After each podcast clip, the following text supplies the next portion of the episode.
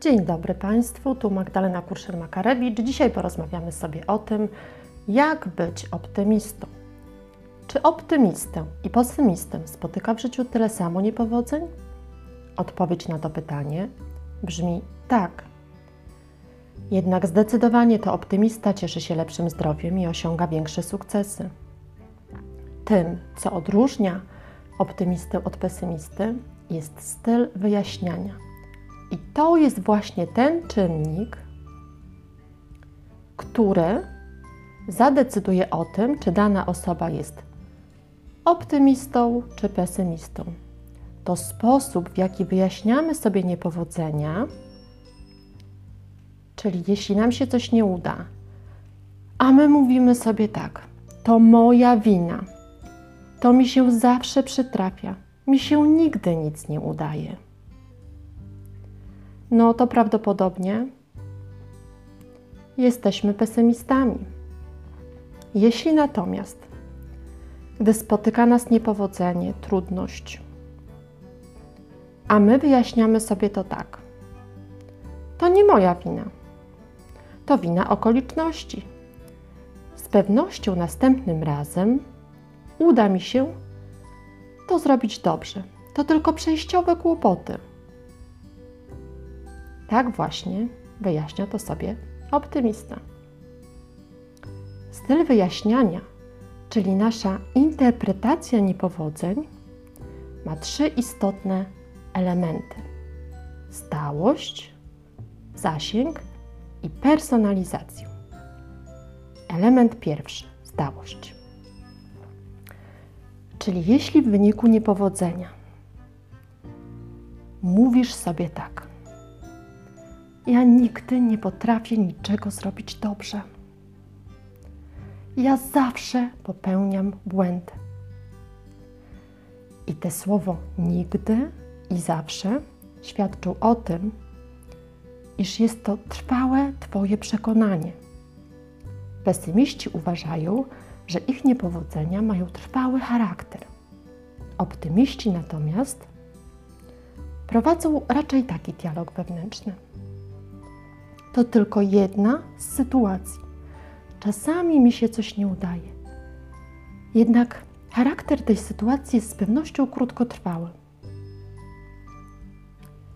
Dodatkowo optymiści przypiszą te pozytywne wydarzenia jako te trwałe i te pomyślne zdarzenia potraktują właśnie jako coś stałego.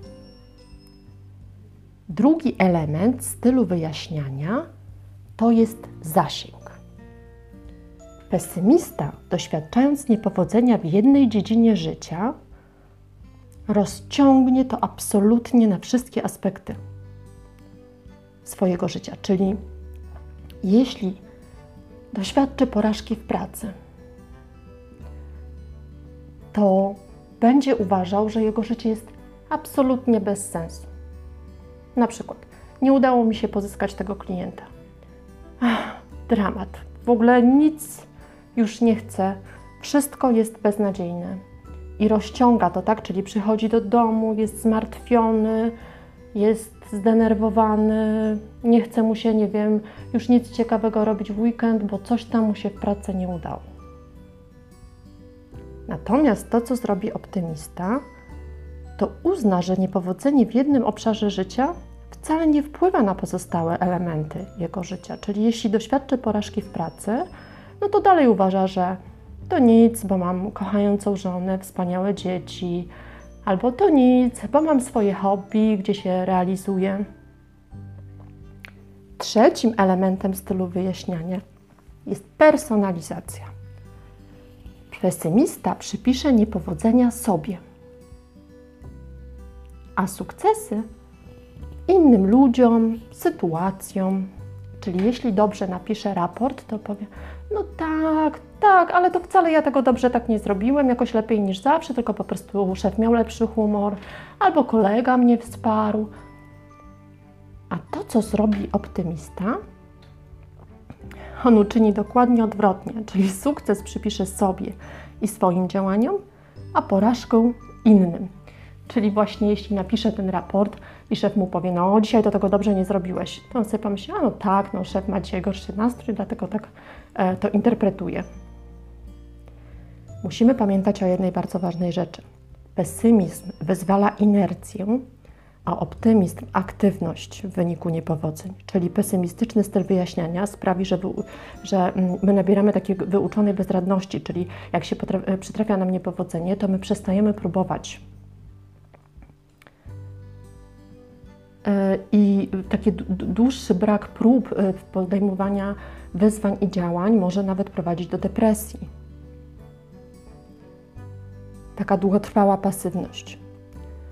Warto zatem popracować nad swoim stylem wyjaśniania i mieć bardziej optymistyczne podejście do życia. No jak my to możemy zrobić? Na początek warto przyjrzeć się temu, jak reagujemy na trudność, której doświadczamy. Jeśli w wyniku trudności zaczynamy nabierać trwałych przekonań, musimy dostrzec, związek między trudnością, przekonaniem a skutkiem. Trzeba się wsłuchać w swój dialog wewnętrzny i przestać wyjaśniać sobie to w sposób negatywny. I przestać sobie tworzyć takie negatywne przekonania. Bo jeśli my zmienimy swoje przekonania, to zmienią się nasze reakcje na trudności. Czyli jeśli mi się przydarzy jakaś sytuacja taka trudna, gdzie mi się coś nie uda, i ja sobie będę ciągle powtarzała, ja nigdy nic nie potrafię, tak? Jeśli ja sobie powtarzam na przykład, ja nigdy nic nie potrafię, no to co ja jeszcze mogę z tym zrobić, żebym tak nie myślała? No powinnam sobie y, po pierwsze nie tworzyć tego negatywnego przekonania, czyli Proponuję, żeby się na przykład przez kilka dni przyjrzeć temu, w jaki sposób my reagujemy na te trudności albo te niepowodzenia.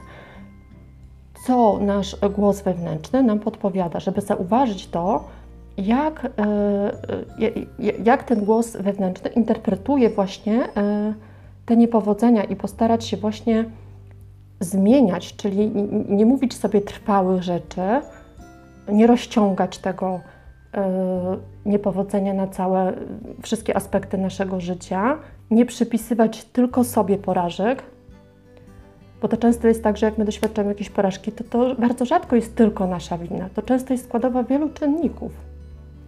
No dobrze, ale jeśli my już sobie mamy niektóre trwałe przekonania, no to to, co teraz my możemy z nimi zrobić, albo gdy, y, gdy te przekonania mimo wszystko do nas przychodzą, to proponuję, żeby jeszcze troszkę popracować z tym przekonaniem. Należy spróbować zakwestionować te przekonanie, bo musimy pamiętać o tym, że przekonanie jest tylko przekonaniem. Ono nie musi stanowić faktu. Ono może być faktem, ale wcale nie musi. I to, co my możemy zrobić, to możemy poszukać dowodów świadczących o tym, że to przekonanie jest prawdziwe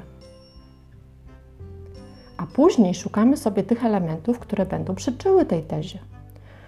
Czyli ja sobie powiem tak, jestem złym pracownikiem, bo źle zrobiłem raport, bo szef na mnie nakrzyczał, bo jeszcze coś tam, bo kolega mi zwrócił uwagę, że coś tam robię w sposób niewłaściwy. No to dobrze, to szukam sobie teraz elementów, które będą to potwierdzały.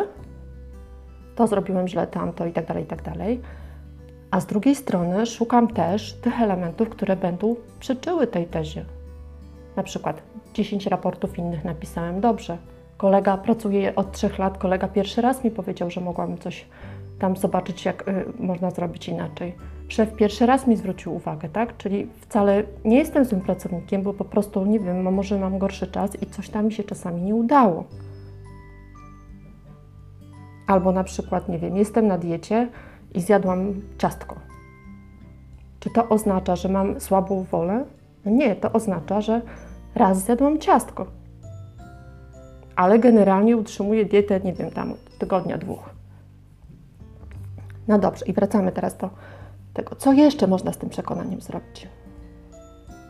Szukać alternatywy. Czyli szukać wszelkich możliwych przyczyn tego stanu rzeczy Czyli na przykład, jeśli nie zdałam egzaminu, to być może nie miałam tyle czasu na naukę, ile należało poświęcić, bo musiałam iść do pracy.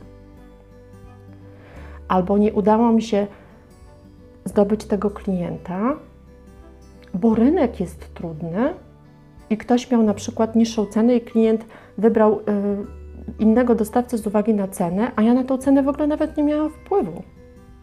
Tak? Czyli szukamy tego, co, co tak naprawdę mogło być możliwą przyczyną tego niepowodzenia, a ona w ogóle nie była zależna y, ode mnie.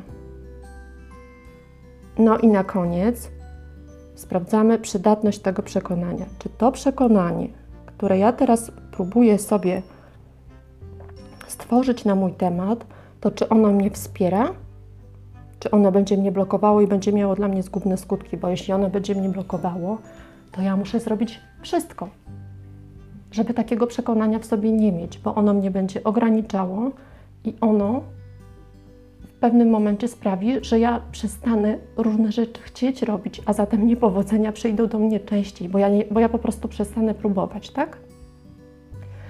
To, co jest jeszcze y, ważne, to trzeba sobie zapamiętać to, że my musimy bardzo uważnie z tymi przekonaniami pracować, ponieważ zwykle jest tak, że y, jeśli my sobie coś na swój temat tak mówimy w środku, tak, czyli ten głos wewnętrzny nam mówi, to nam jest trudniej to znegować i obalić to przekonanie, y, niż na przykład mówią nam o czymś inni ludzie. Dlatego tak ważne jest to, co my sobie opowiadamy sami sobie na swój temat.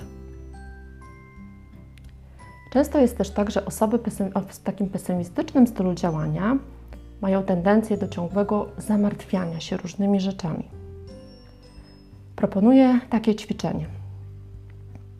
Jeśli na przykład ktoś kończy pracę o godzinie 17 i ma jakiś kłopot w tej pracy, jakiś problem, e, i jest 17, kończy pracę, to proponuję zrobić sobie tak. Zapisać sobie, że pomyślę o tym problemie na przykład o godzinie 21 bo teraz kończę pracę i chciałabym trochę czasu spędzić z dziećmi i nie mieć głowy zajętej tym problemem. Więc jeśli sobie określę konkretną godzinę, w której tym problemem się zajmę, to prawdopodobnie będę w stanie po którymś tam razie próby, tak? Ja nie mówię, że przy pierwszej próbie, bo przy pierwszej próbie będzie to raczej niemożliwe, tak? Ale z czasem, gdy będziemy sobie to trenować i pisać, że na przykład o 21 pomyślę o tym i o tym, zapisuję sobie to normalnie w kalendarzu, to wracam do domu i zajmuję się tym, czym chciałam się zająć. Nie wiem, zabawą z dziećmi, czytaniem książki, różnymi rzeczami. Nie myślę już o tym, o tej sprawie, o tej sytuacji, o tym wątku, o tym problemie. I faktycznie, gdy wybija ta godzina, o której sobie obiecałam, że wrócę do tego problemu, to to robię. I zwykle wtedy rozwiązania również przyjdą szybciej i będą efektywniejsze i bardziej kreatywne, ponieważ trochę od tego problemu odpocznie nam umysł.